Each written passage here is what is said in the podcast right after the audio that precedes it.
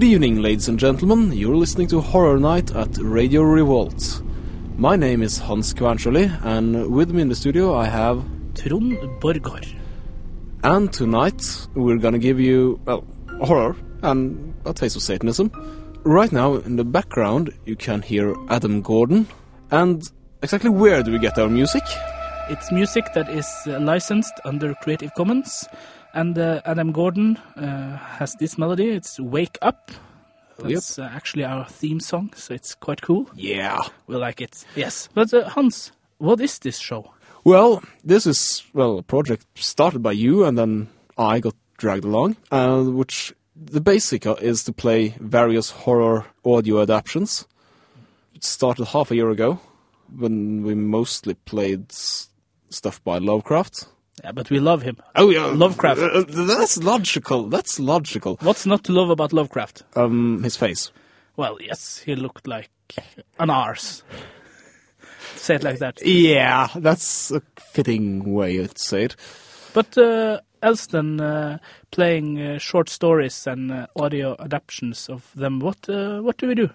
Well, um, horror stuff mainly. Yeah, Yes.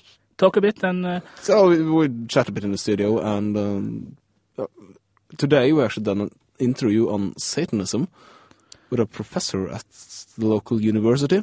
yes, actually I, I did that. Yeah, yeah you did that. I did that part. Yeah, you did that part.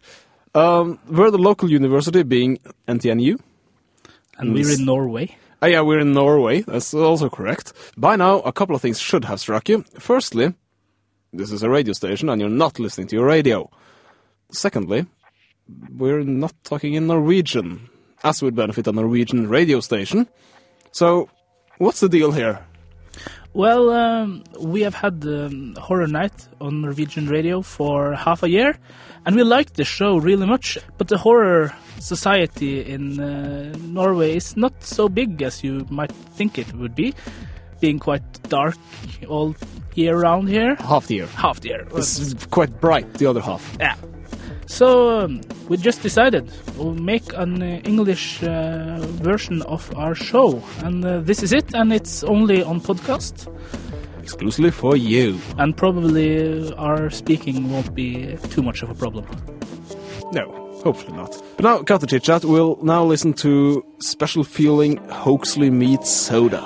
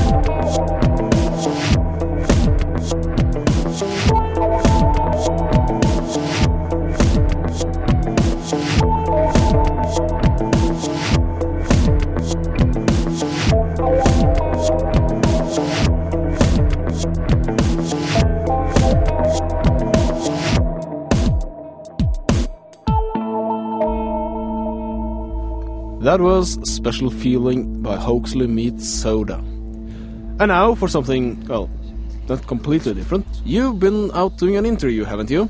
Yeah, I'm quite interested in a lot of topics, a lot of things that I don't know so much about, and Satanism is one of them. Oh, yeah, I, Probably a good thing that I don't, don't know too much about it. I don't well, know. no, actually, it's a good laugh to read the Satanic Bible. You've done it? Oh, yes. Was Lost- it any good?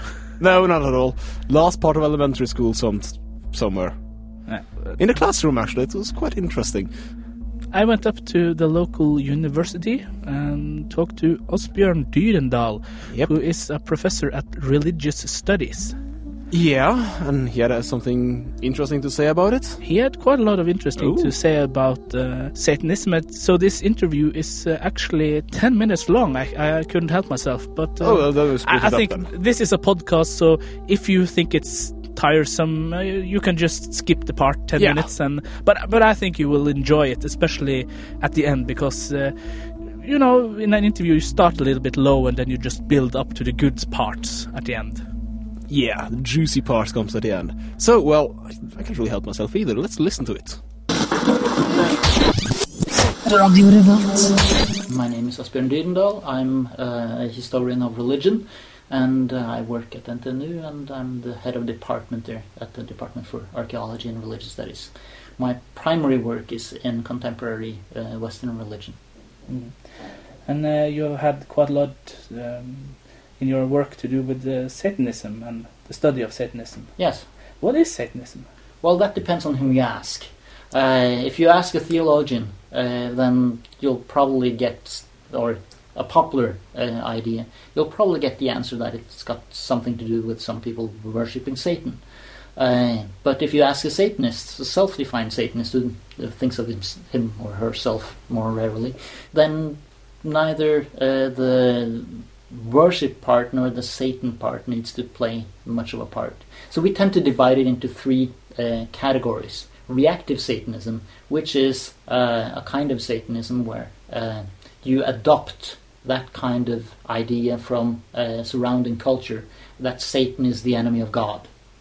But you may also incorporate elements like the romantic uh, uh, interpretation of Satan, which is im- uh, important to the other categories of uh, Satanism as well, where uh, Satan is the ultimate rebel and he fights for a noble cause. So Satan is actually noble while God is the bad guy. But you also get the ultimate rea- reactive Satanists that uh, tend to think of Satan as a destructive force for evil, and they want to be as evil as possible.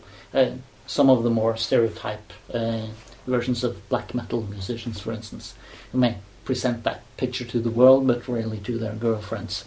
Uh, then you get the rationalist Satanist. And we're not calling them rationalist Satanists because they're necessarily completely rationalist, but to uh, differentiate them from uh, their closest uh, companions in the Satanist uh, categories, uh, namely esoteric Satanism. Esoteric Satanism draws much more on the complete history of uh, Western esotericism and takes some elements of, out of that tradition and uh, incorporates Satan or Set or uh, whatever they might call uh, the being and magical practice into it as well. Whereas the rationalist Satanists tend to psychologize the whole thing. Satan is merely a symbol. Uh, it's a symbol of self. Uh, it's a symbol of a stance against society. It's a force within your body and your mind. It's a way of reacting. It's a way of life. So uh, it's uh, not completely esoteric. They may involve magical ritual, mainly for psychological use, but also some of them believe in magic and that kind of stuff. So, uh, three categories: reactive, that's your stereotype teenager; uh, the rationalist, that's the Anton LaVey kind of uh, stuff; and the esoteric, which may be uh, a bit harder to get a grasp on unless you're familiar with the esoteric scene. There is uh, Satanists out in the world today, Yeah, absolutely. and uh, they have been there all through history. Or when did Satanism occur? Do Well, the Satanism as a real social religious phenomenon tends to crop up mostly during the late 20th century.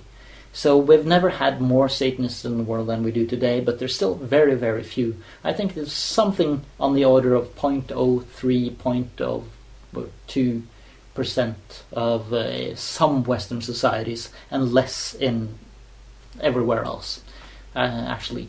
Uh, and uh, you do have one or two examples of uh, uh, people before the court in early modern Europe who have been convinced that they have a contact with Satan. Uh, we might call some of them mentally disturbed. Some of them actually do seem religious. Uh, we have the romantic Satanisms, uh, romantic poets, not necessarily the poets themselves, but they started a tradition of thinking about Satan uh, as a symbol of rebellion, which sort of took off into some elements of uh, uh, artist subcultures. Uh, the decadence, uh, you get it in Gothic literature, that that kind of stuff. And you had some self-identified Satanists there uh, during the late uh, 19th century uh, as well. Mm. Uh, but they were very few, and they didn't really do a lot out of it. But the fear. The fear of Satanism is something completely different because the fear of Satan and the fear of uh, people worshipping Satan and being allied with Satan uh, is a sort of adaptation of a cultural belief in uh, the conspiracy of evil among us, uh, which is, uh, of course, uh, all the people you dislike and who disagree with you. And when you get that adopted into central social institutions like the church, and you get it to wider socio-historical circumstances like the witch craze or, or the the war of religions in uh, Europe, uh, then it's something completely different. Because of course, uh, since uh, it doesn't really matter what they are, uh, you can call anyone Satanist. You can say, well, uh, their ideas about God they're not the same as mine, so they may must be misled because I'm rightfully guided. Uh, and so, since they're misled, they must be mi- misled by the Prince of Evil himself. Maybe they're so they must be allied with him. And so, of course, Catholic Europe versus Protestant Europe uh, was partially divided on ideas about uh, the other party being uh, uh, under Satan's spell. Yeah. In literature, there is uh, quite a lot of talk about Satanism. Um, how much of this is uh, real, if you compare it to uh, a real flesh and blood Satanist? almost none of it.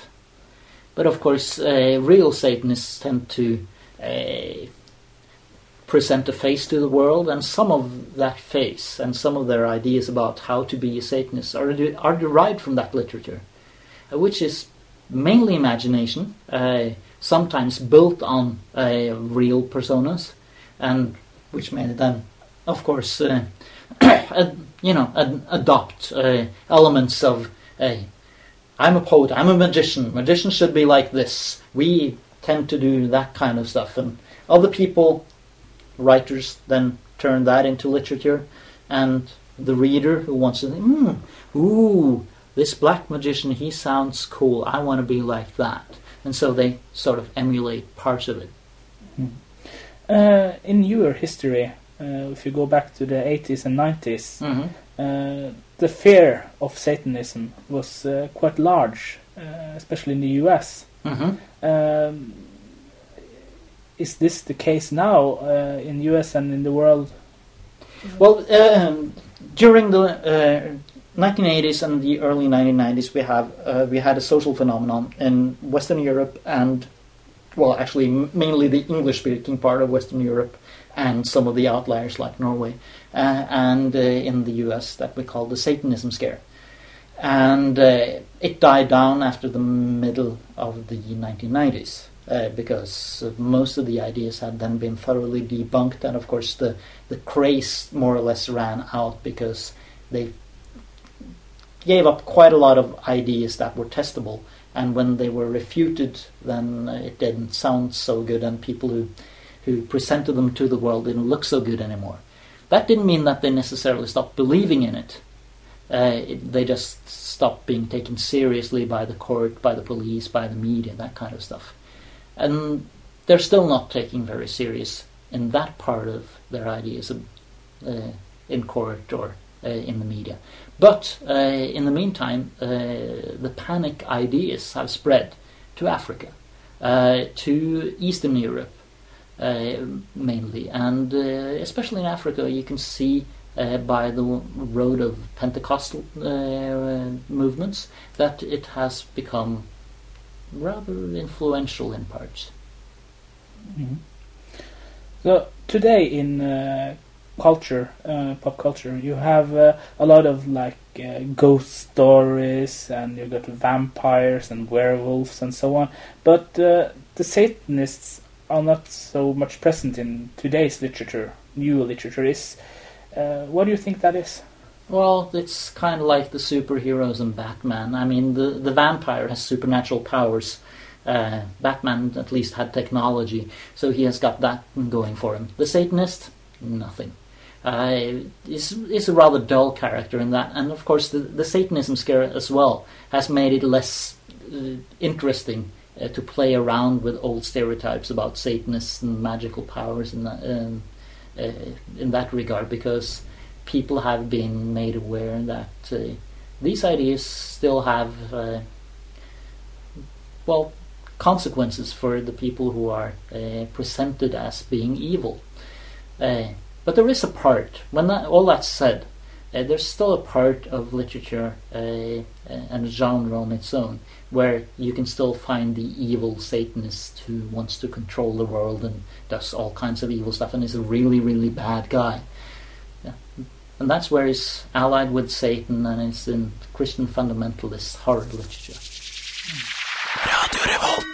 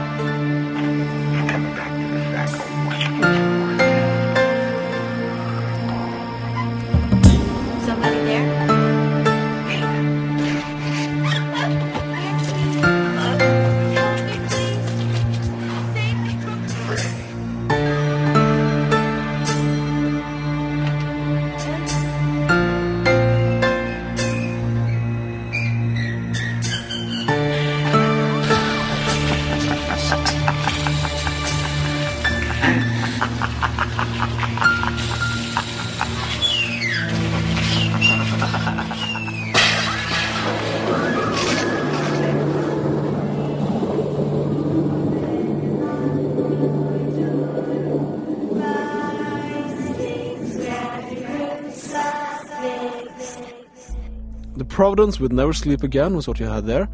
And now, Algernon Henry Blackwood.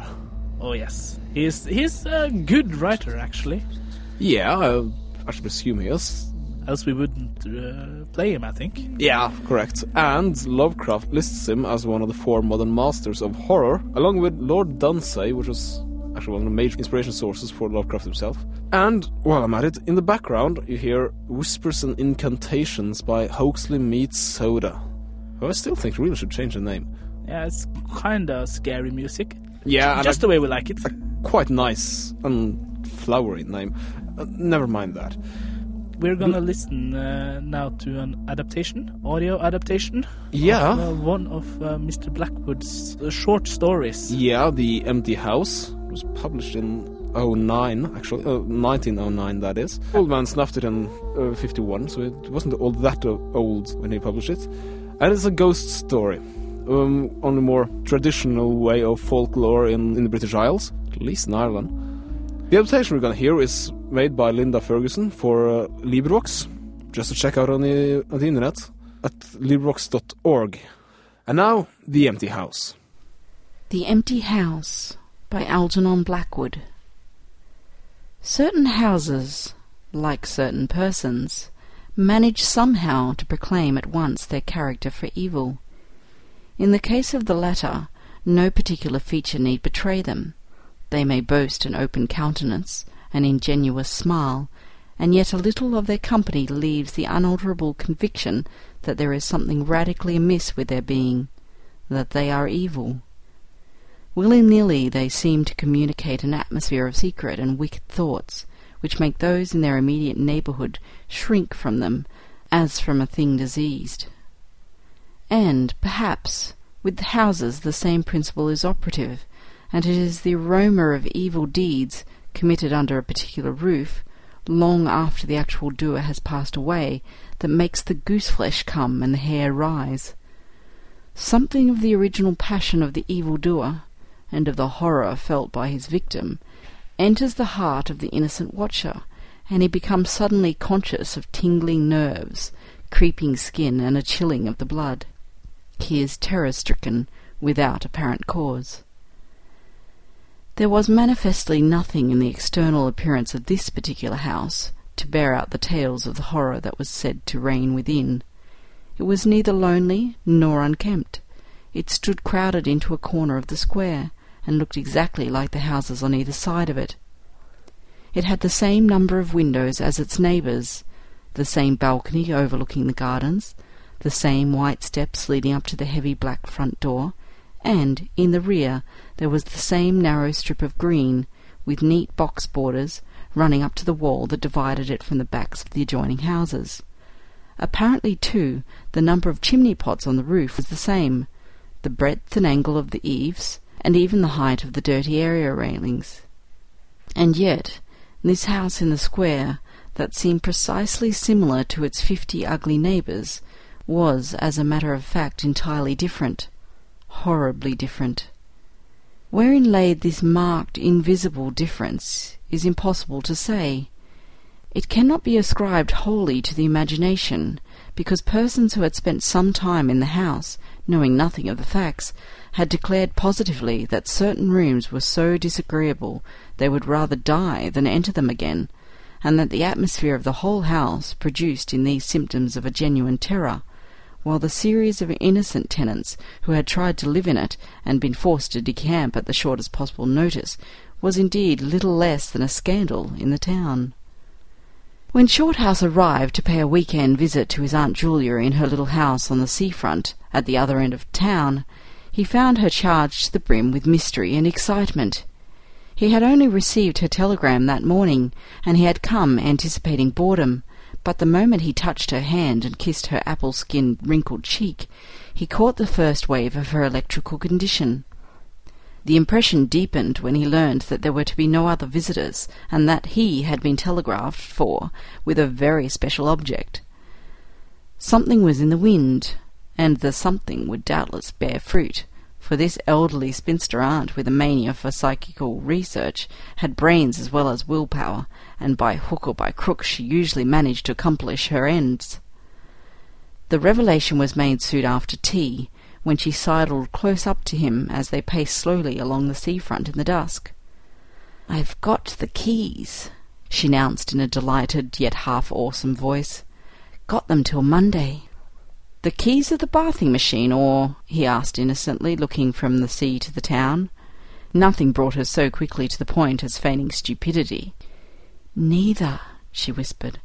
"I've got the keys of the haunted house in the square, and I'm going there tonight." Shorthouse was conscious of the slightest possible tremor down his back. He dropped his teasing tone. Something in her voice and manner thrilled him. She was in earnest. "But you can't go alone," he began. "That's why I wired for you," she said with decision. He turned to look at her. The ugly lined, enigmatic little face was alive with excitement. There was the glow of genuine enthusiasm round it like a halo. The eyes shone. He caught another wave of her excitement, and a second tremor, more marked than the first, accompanied it. Thanks, Aunt Julia, he said politely. Thanks awfully. I should not dare to go quite alone, she went on, raising her voice, but with you I should enjoy it immensely. You're afraid of nothing, I know. Thanks so much, he said again. Er, is anything likely to happen? A great deal has happened, she whispered, though it's been most cleverly hushed up. Three tenants have come and gone in the last few months, and the house is said to be empty for good now. In spite of himself, Shorthouse became interested. His aunt was so very much in earnest. The house is very old indeed, she went on, and the story, an unpleasant one, dates a long way back. It has to do with a murder committed by a jealous stableman who had some affair with a servant in the house. One night he managed to secret himself in the cellar, and when everyone was asleep, he crept upstairs to the servants' quarters, chased the girl down to the next landing, and before anyone could come to the rescue, threw her bodily over the banisters into the hall below. And the stableman? Was caught, I believe, and hanged for murder, but it all happened a century ago, and I've not been able to get more details of the story. Shorthouse now felt his interest thoroughly aroused, but though he was not particularly nervous for himself, he hesitated a little on his aunt's account. On one condition, he said at length. Nothing will prevent my going, she said firmly, but I may as well hear your condition. That you guarantee your power of self-control if anything really horrible happens. I mean that you are sure you won't get too frightened. Jim, she said scornfully, I'm not young, I know, nor are my nerves, but with you I should be afraid of nothing in the world. This, of course, settled it, for Shorthouse had no pretensions to being other than a very ordinary young man, and an appeal to his vanity was irresistible. He agreed to go. Instinctively, by a sort of subconscious preparation, he kept himself and his forces well in hand the whole evening, compelling an accumulative reserve of control by that nameless inward process of gradually putting all the emotions away and turning the key upon them, a process difficult to describe, but wonderfully effective, as all men who have lived through severe trials of the inner man well understand. Later it stood him in good stead. But it was not until half past ten, when they stood in the hall, well in the glare of friendly lamps, and still surrounded by comforting human influences, that he had to make the first call upon his store of collected strength. For, once the door was closed, and he saw the deserted silent street stretching away white in the moonlight before them, it came to him clearly that the real test that night would be in dealing with two fears instead of one. He would have to carry his aunt's fears, as well as his own and as he glanced down at her sphinx-like countenance, and realized that it might assume no pleasant aspect in a rush of real terror, he felt satisfied with only one thing in the whole adventure that he had the confidence in his own will and power to stand against any shock that might come. Slowly they walked along the empty streets of the town. A bright autumn moon silvered the roofs, casting deep shadows. There was no breath of wind, and the trees in the formal gardens by the sea-front watched them silently as they passed along. To his aunt's occasional remarks Shorthouse made no reply, realizing that she was simply surrounding herself with mental buffers, saying ordinary things to prevent herself thinking of extraordinary things. Few windows showed lights, and from scarcely a single chimney came smoke or sparks. Shorthouse had already begun to notice everything, even the smallest details. Presently they stopped at the street corner, and looked up at the name on the side of the house, full in the moonlight, and with one accord, but without remark, turned into the square and crossed over to the side of it that lay in the shadows. The number of the house is thirteen, whispered a voice at his side, and neither of them made the obvious reference, but passed across the broad sheet of moonlight and began to march up the pavement in silence. It was about halfway up the square that Shorthouse felt an arm slipped quietly but significantly into his own, and knew that their adventure had begun in earnest, and that his companion was already yielding imperceptibly to the influences against them. She needed support. A few minutes later they stopped before a tall, narrow house that rose before them into the night, ugly in shape and painted a dingy white. Shutterless windows without blinds stared down upon them, shining here and there in the moonlight. There were weather streaks in the walls and cracks in the paint, and the balcony bulged out from the first floor a little unnaturally. But beyond this generally forlorn appearance of an unoccupied house, there was nothing at first sight to single out this particular mansion for the evil character it had most certainly acquired. Taking a look over their shoulders to make sure they had not been followed, they went boldly up the steps and stood against the huge black door that fronted them forbiddingly. But the first wave of nervousness was now upon them, and Shorthouse fumbled a long time with the key before he could fit it in the lock at all. For a moment, if truth were told, they both hoped it would not open, for they were a prey to various unpleasant emotions as they stood there on the threshold of their ghostly adventure. Shorthouse, shuffling with the key and hampered by the steady weight of his arm, certainly felt the solemnity of the moment. It was as if the whole world, for all experience seemed at that instant concentrated in his own consciousness, were listening to the grating noise of that key. A stray puff of wind wandering down the empty street woke a momentary rustling in the trees behind them, but otherwise this rattling of the key was the only sound audible. And at last it turned in the lock, and the heavy door swung open and revealed a yawning gulf of darkness beyond. With a last glance at the moonlit square, they passed quickly in, and the door slammed behind them with a roar that echoed prodigiously through empty halls and passages. But instantly, with the echoes, another sound made itself heard, and Aunt Julia leaned suddenly so heavily upon him that he had to take a step backwards to save himself from falling. A man had coughed close beside them, so close that it seemed they must have been actually by his side in the darkness. With the possibility of practical jokes in his mind, Shorthouse at once swung his heavy stick in the direction of the sound, but it meant nothing more solid than air. He heard his aunt give a little gasp beside him. There's someone here, She whispered. I heard him. Be quiet, he said sternly. It was nothing but the noise of the front door. Oh, get a light, quick. She added as her nephew, fumbling with a box of matches, opened it upside down and let them all fall with a rattle onto the stone floor. The sound, however, was not repeated, and there was no evidence of retreating footsteps. In another minute they had a candle burning, using an empty end of a cigar case as a holder, and when the first flare had died down he held the impromptu lamp aloft and surveyed the scene. And it was dreary enough in all conscience, for there is nothing more desolate in all the abodes of men than an unfurnished house dimly lit, silent and forsaken, and yet tenanted by rumour with the memories of evil and violent histories. They were standing in a wide hallway. On their left was the open door of a spacious dining room, and in front the hall ran, ever narrowing, into a long dark passage that led apparently to the top of the kitchen stairs. The broad, uncarpeted staircase rose in a sweep before them, everywhere draped in shadows, except for a single spot about halfway up where the moonlight came in through the window and fell on a bright patch on the boards. This shaft of light shed a faint radiance above and below it, lending to the objects within its reach a misty outline that was infinitely more suggestive and ghostly than complete darkness.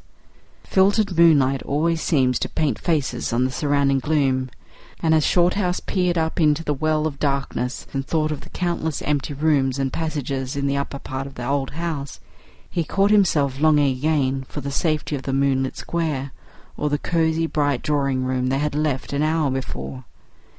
Then, realizing that these thoughts were dangerous, he thrust them away again and summoned all his energy for concentration on the present. Aunt Julia, he said aloud severely, we must now go through the house from top to bottom and make a thorough search. The echoes of his voice died away slowly all over the building, and in the intense silence that followed he turned to look at her. In the candlelight he saw that her face was already ghastly pale, But she dropped his arm for a moment and said in a whisper, stepping close in front of him, I agree. We must be sure there's no one hiding. That's the first thing. She spoke with evident effort, and he looked at her with admiration. You feel quite sure of yourself. It's not too late. I think so, she whispered, her eyes shifting nervously toward the shadows behind. Quite sure. Only one thing. What's that? You must never leave me alone for an instant. As long as you understand that any sound or appearance must be investigated at once, for to hesitate means to admit fear. That is fatal. Agreed, she said a little shakily after a moment's hesitation. I'll try. Arm in arm, Shorthouse holding the dripping candle and the stick, while his aunt carried the cloak over her shoulder, figures of utter comedy to all but themselves, they began a systematic search. Stealthily, walking on tiptoe, and shading the candle lest it should betray their presence, through the shutterless windows, they went first into the big dining room. There was not a stick of furniture to be seen. Bare walls, ugly mantelpieces, and empty grates stared at them. Everything they felt resented their intrusion, watching them, as it were, with their veiled eyes. Whispers followed them. Shadows flitted noiselessly to right and left. Something seemed ever at their back, watching, waiting an opportunity to do them injury. There was the inevitable sense that operations which went on when the room was empty had been temporarily suspended till they were well out of the way again. The whole dark interior of the old building seemed to become a malignant presence that rose up, warning them to desist and mind their own business. Every moment the strain on the nerves increased. Out of the gloomy dining room they passed through large folding doors into a sort of library or smoking room, wrapped equally in silence, darkness, and dust, and from this they regained the hall near the top of the back stairs. Here a pitch-black tunnel opened before them into the lower regions, and, it must be confessed, they hesitated. But only for a minute. With the worst of the night still to come, it was essential to turn from nothing. Aunt Julia stumbled at the top step of the dark descent, ill lit by the flickering candle, and even Shorthouse felt at least half the decision go out of his legs. Come on, he said peremptorily, and his voice ran on and lost itself in the dark, empty spaces below. I'm coming, she faltered, catching his arm with unnecessary violence.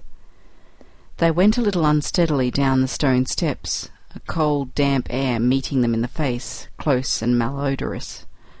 The kitchen, into which the stairs led along a narrow passage, was large, with a lofty ceiling. Several doors opened out of it, and some into cupboards with empty jars still standing on the shelves, and others into horrible little ghostly back offices, each colder and less inviting than the last. Black beetles scurried over the floor, and once, when they knocked against a deal table standing in a corner, something about the size of a cat jumped down with a rush and fled, scampering across the stone floor into the darkness. Everywhere there was a sense of recent occupation, an impression of sadness and gloom. Leaving the main kitchen, they next went towards the scullery. The door was standing ajar, and as they pushed it open to its full extent, Aunt Julia uttered a piercing scream, which she instantly tried to stifle by placing her hand over her mouth. For a second Shorthouse stood stock still, catching his breath.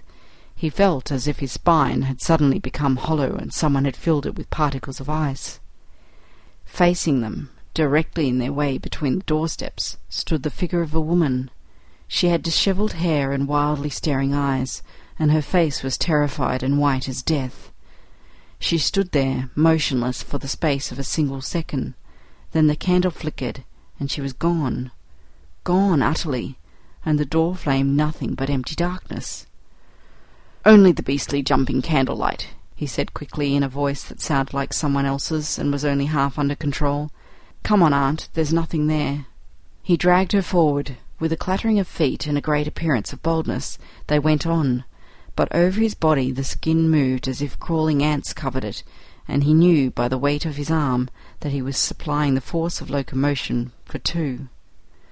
The scullery was cold, bare, and empty, more like a large prison cell than anything else. They went round it, tried the door into the yard and the windows, but found them all fastened securely. His aunt moved beside him like a person in a dream. Her eyes were tightly shut, and she seemed merely to follow the pressure of his arm. Her courage filled him with amazement. At the same time he noticed that a certain odd change had come over her face, a change which somehow evaded his power of analysis. "There's nothing here, auntie," he repeated aloud quickly. "Let's go upstairs and see the rest of the house, then we'll choose a room to wait up in." She followed him obediently, keeping close to his side, and they locked the kitchen door behind them. It was a relief to get up again. In the hall there was more light than before, for the moon had travelled a little further down the stairs. Cautiously they began to go up into the dark vault of the upper house, the boards creaking under their weight. On the first floor they found the large double drawing rooms, a search of which revealed nothing. Here also was no sign of furniture or recent occupancy, nothing but dust and neglect and shadows. They opened the big folding doors between front and back drawing rooms, and then came out again to the landing and went on upstairs. They had not gone up more than a dozen steps when they both simultaneously stopped to listen, looking into each other's eyes with a new apprehension across the flickering candle. From the room they had left, hardly ten seconds before, came the sounds of doors quietly closing. It was beyond all question they heard the booming noise that accompanies the shutting of heavy doors, followed by the sharp catching of latch. "We must go back and see," said Shorthouse briefly in a low tone, and turning to go downstairs again. Somehow she managed to drag after him, her feet catching in her dress, her face livid. When they entered the front drawing room it was plain that the folding doors had been closed half a minute before. Without hesitation Shorthouse opened them.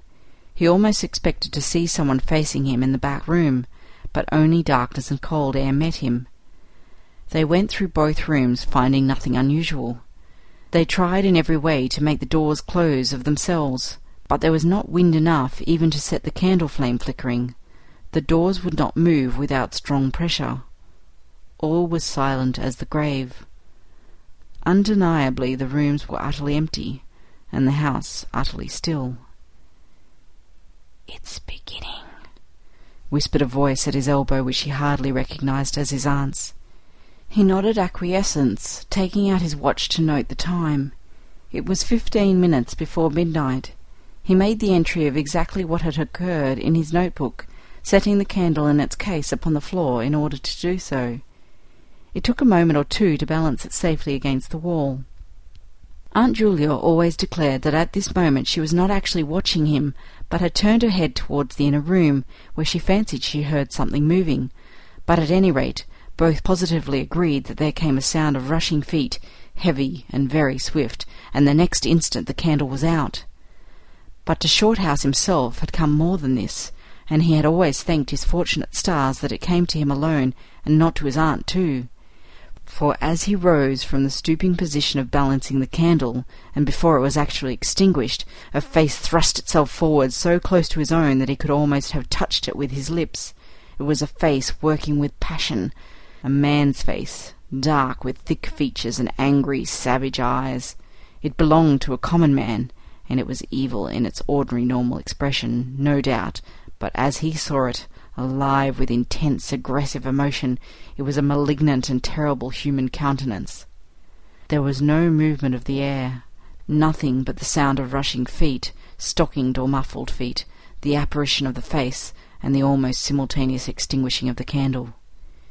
In spite of himself, Shorthouse uttered a little cry, nearly losing his balance as his aunt clung to him with her whole weight in one moment of real, uncontrollable terror.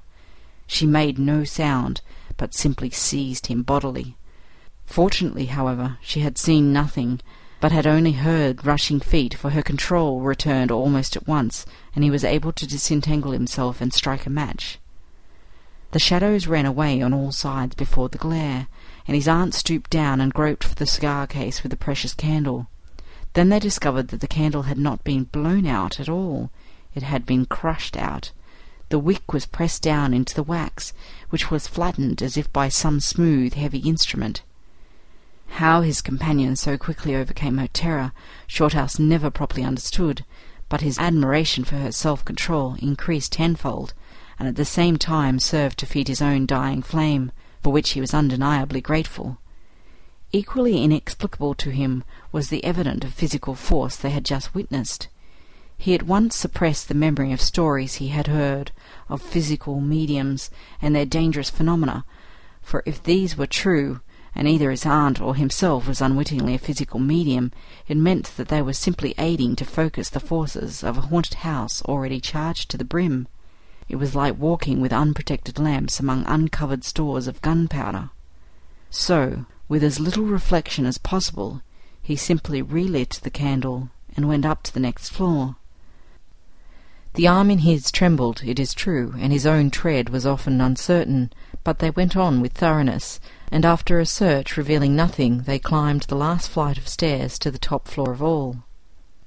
Here they found a perfect nest of small servants' rooms, with broken pieces of furniture, dirty caned bottom chairs, chests of drawers, cracked mirrors, and decrepit bedsteads. The rooms had low, sloping ceilings, already hung here and there with cobwebs, small windows, and badly plastered walls, a depressing and dismal region which they were glad to leave behind. It was on the stroke of midnight when they entered a small room on the third floor, close to the top of the stairs, and arranged to make themselves comfortable for the remainder of their adventure. It was absolutely bare, and was said to be the room, then used as a clothes closet, into which the infuriated groom had chased his victim and finally caught her. Outside, across the narrow landing, began the stairs leading up to the floor above, and the servants' quarters where they had just searched. In spite of the chilliness of the night, there was something in the air of this room that cried for an open window. But there was more than this. Shorthouse could only describe it by saying that he felt less master of himself here than in any other part of the house. There was something that acted directly on the nerves, tiring the resolution, enfeebling the will. He was conscious of this result before he had been in the room five minutes, and it was in the short time they stayed there that he suffered the wholesale depletion of his vital forces, which was, for himself, the chief horror of the whole experience. They put the candle on the floor of the cupboard, leaving the door a few inches ajar so that there was no glare to confuse the eyes, and no shadow to shift about on the walls and ceiling. Then they spread the cloak on the floor, and sat down to wait, with their backs against the wall. Shorthouse was within two feet of the door on to the landing. His position commanded a good view of the main staircase leading down into the darkness, and also of the beginning of the servant stairs going to the floor above. The heavy stick lay beside him within easy reach. The moon was now high above the house. Through the open window they could see the comforting stars like friendly eyes watching in the sky. One by one the clocks of the town struck midnight, and when the sounds died away, the deep silence of a windless night fell again over everything. Only the boom of the sea, far away and lugubrious, filled the air with hollow murmurs. Inside the house the silence became awful. Awful, he thought, because any minute now it might be broken by sounds portending terror. The strain of waiting told more and more severely on the nerves. They talked in whispers when they talked at all, for their voices aloud sounded queer and unnatural. A chillness, not altogether due to the night air, invaded the room and made them cold. The influences against them, whatever these might be, were slowly robbing them of self-confidence and the power of decisive action. Their forces were on the wane, and the possibility of real fear took on a new and terrible meaning. He began to tremble for the elderly woman by his side, whose pluck could hardly save her beyond a certain extent. He heard the blood singing in his veins. It sometimes seemed so loud that he fancied it prevented his hearing properly certain other sounds that were beginning very faintly to make themselves audible in the depths of the house. Every time he fastened his attention on these sounds, they instantly ceased. They certainly came no nearer, yet he could not rid himself of the idea that movement was going on somewhere in the lower regions of the house. The drawing room floor, where the doors had been so strangely closed, seemed too near, the sounds were further off than that. He thought of the great kitchen, with the scurrying black beetles, and of the dismal little scullery. But somehow or other they did not seem to come from there either. Surely they were not outside the house. Then suddenly the truth flashed into his mind, and for the space of a minute he felt as if his blood had stopped flowing and turned to ice. The sounds were not downstairs at all. They were upstairs. Upstairs, somewhere among those horrid gloomy little servants' rooms with their bits of broken furniture, low ceilings, and cramped windows. Upstairs, where the victim had first been disturbed and stalked to her death. And the moment he discovered where the sounds were, he began to hear them more clearly. It was the sound of feet moving stealthily along the passage overhead, in and out among the rooms and past the furniture. He turned quickly to steal a glance at the motionless figure seated beside him, to note whether she had shared his discovery. The faint candlelight coming through the crack in the cupboard door threw her strongly marked face into vivid relief against the white of the wall. But it was something else that made him catch his breath and stare again. An extraordinary something had come into her face and seemed to spread over her features like a mask. It smoothed out the deep lines and drew the skin everywhere a little tighter, so that the wrinkles disappeared. It brought into the face, with the sole exception of the old eyes, an appearance of youth and almost of childhood. He stared in speechless amazement, amazement that was dangerously near to horror. It was his aunt's face indeed, but it was her face of forty years ago, the vacant, innocent face of a girl. He had heard stories of that strange effect of terror which could wipe a human countenance clean of other emotions, obliterating all previous expressions, but he had never realized that it could be literally true, or could mean anything so simply horrible as what he now saw. For the dreadful signature of overmastering fear was written plainly in that utter vacancy of the girlish face beside him, and when, feeling his intense gaze, she turned to look at him, he instinctively closed his eyes tightly to shut out the sight. Yet, when he turned a minute later, his feelings well in hand, he saw to his intense relief another expression. His aunt was smiling, and though the face was deathly white, the awful veil had lifted and the normal look was returning. Anything wrong? was all he could think to say at the moment, and the answer was eloquent, coming from such a woman. I feel cold and a little frightened, she whispered. He offered to close the window, but she seized hold of him and begged him not to leave her side even for an instant. It's upstairs, I know, she whispered with an odd half laugh, but I can't possibly go up. But Shorthouse thought otherwise, knowing that in action lay their best hope of self-control. He took the brandy flask and poured out a glass of neat spirit, stiff enough to help anybody over anything. She swallowed it with a little shiver. His only idea now was to get out of the house before her collapse became inevitable, but this could not safely be done by turning tail and running from the enemy. Inaction was no longer possible. Every minute he was growing less master of himself, and desperate, aggressive measures were imperative without further delay. Moreover, the action must be taken towards the enemy, not away from it.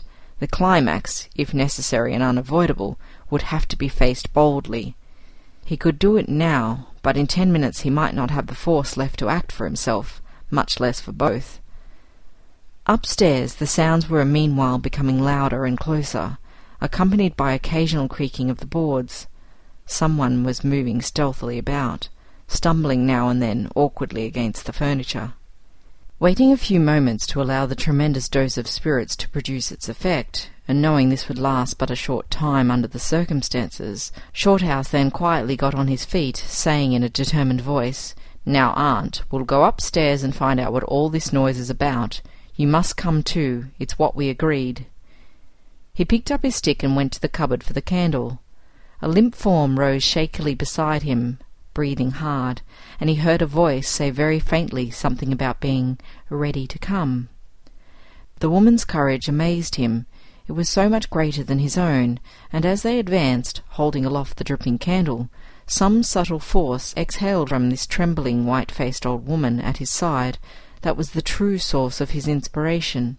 It held something really great that shamed him and gave him the support without which he would have proved far less equal to the occasion.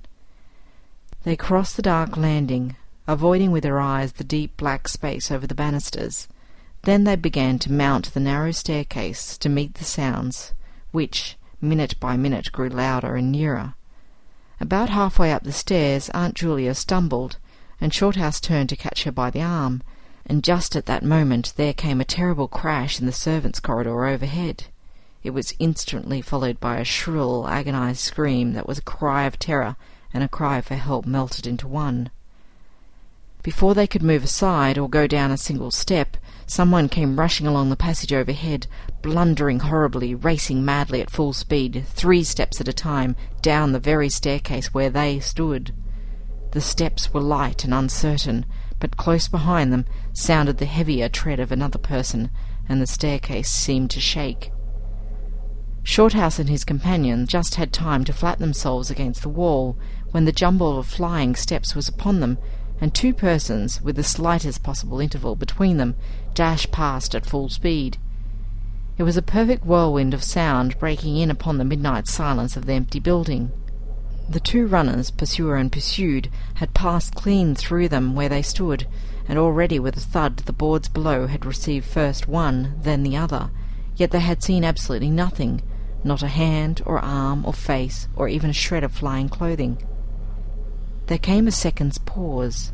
Then the first one, the lighter of the two, obviously the pursued one, ran with uncertain footsteps into the little room which Shorthouse and his aunt had just left. The heavier one followed. There was a sound of scuffling, gasping, and smothered screaming, and then out onto the landing came the step of a single person, treading weightily.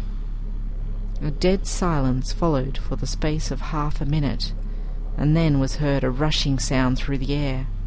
It was followed by a dull, crashing thud in the depths of the house below, on the stone floor of the hall. Utter silence reigned after. Nothing moved. The flame of the candle was steady. It had been steady the whole time, and the air had been undisturbed by any movement whatsoever. Palsied with terror, Aunt Julia, without waiting for her companion, began fumbling her way downstairs. She was crying gently to herself, and when Shorthouse put his arm round her and half carried her, he felt that she was trembling like a leaf.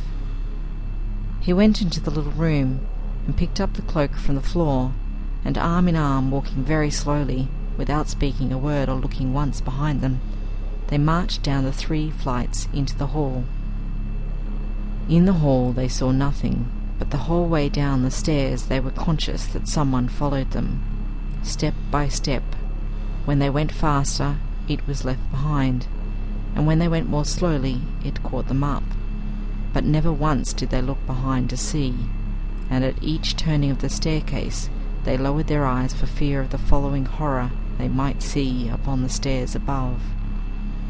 With trembling hands, Shorthouse opened the front door, and they walked out into the moonlight and drew a deep breath of the cool night air blowing in from the sea.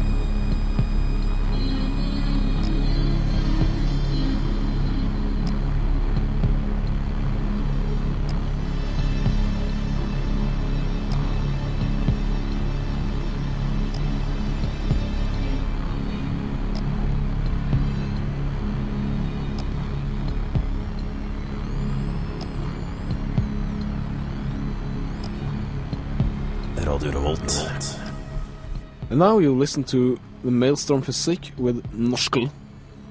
Strange name. Yeah, sounds a bit like uh, Cthulhu-ish. Yeah, kinda. You can presume it is. But our time is nearing an end. At least for now. We'll be back next week with another Oh, yes. podcast. We will be back next week with another podcast. and uh, that you can find on iTunes. You can uh, f- just search after Horror Night and you will find it there, or you can go to our web pages at. radiorevolt.no. But now, thanks for listening, and um, we'll be back next week with another podcast filled with horror and dread and all the things we love, won't we? Yeah, I guess so. Yeah. Good night. Good night. Radio Revolt. This broadcast is made by Radio Revolt, the student radio in Trondheim in Norway, and is published under the Creative Commons license BY-NC-SA. You can read more about this at creativecommons.org. For a complete list of music and artists used in this broadcast, please go to radiorevolt.no Horror Night.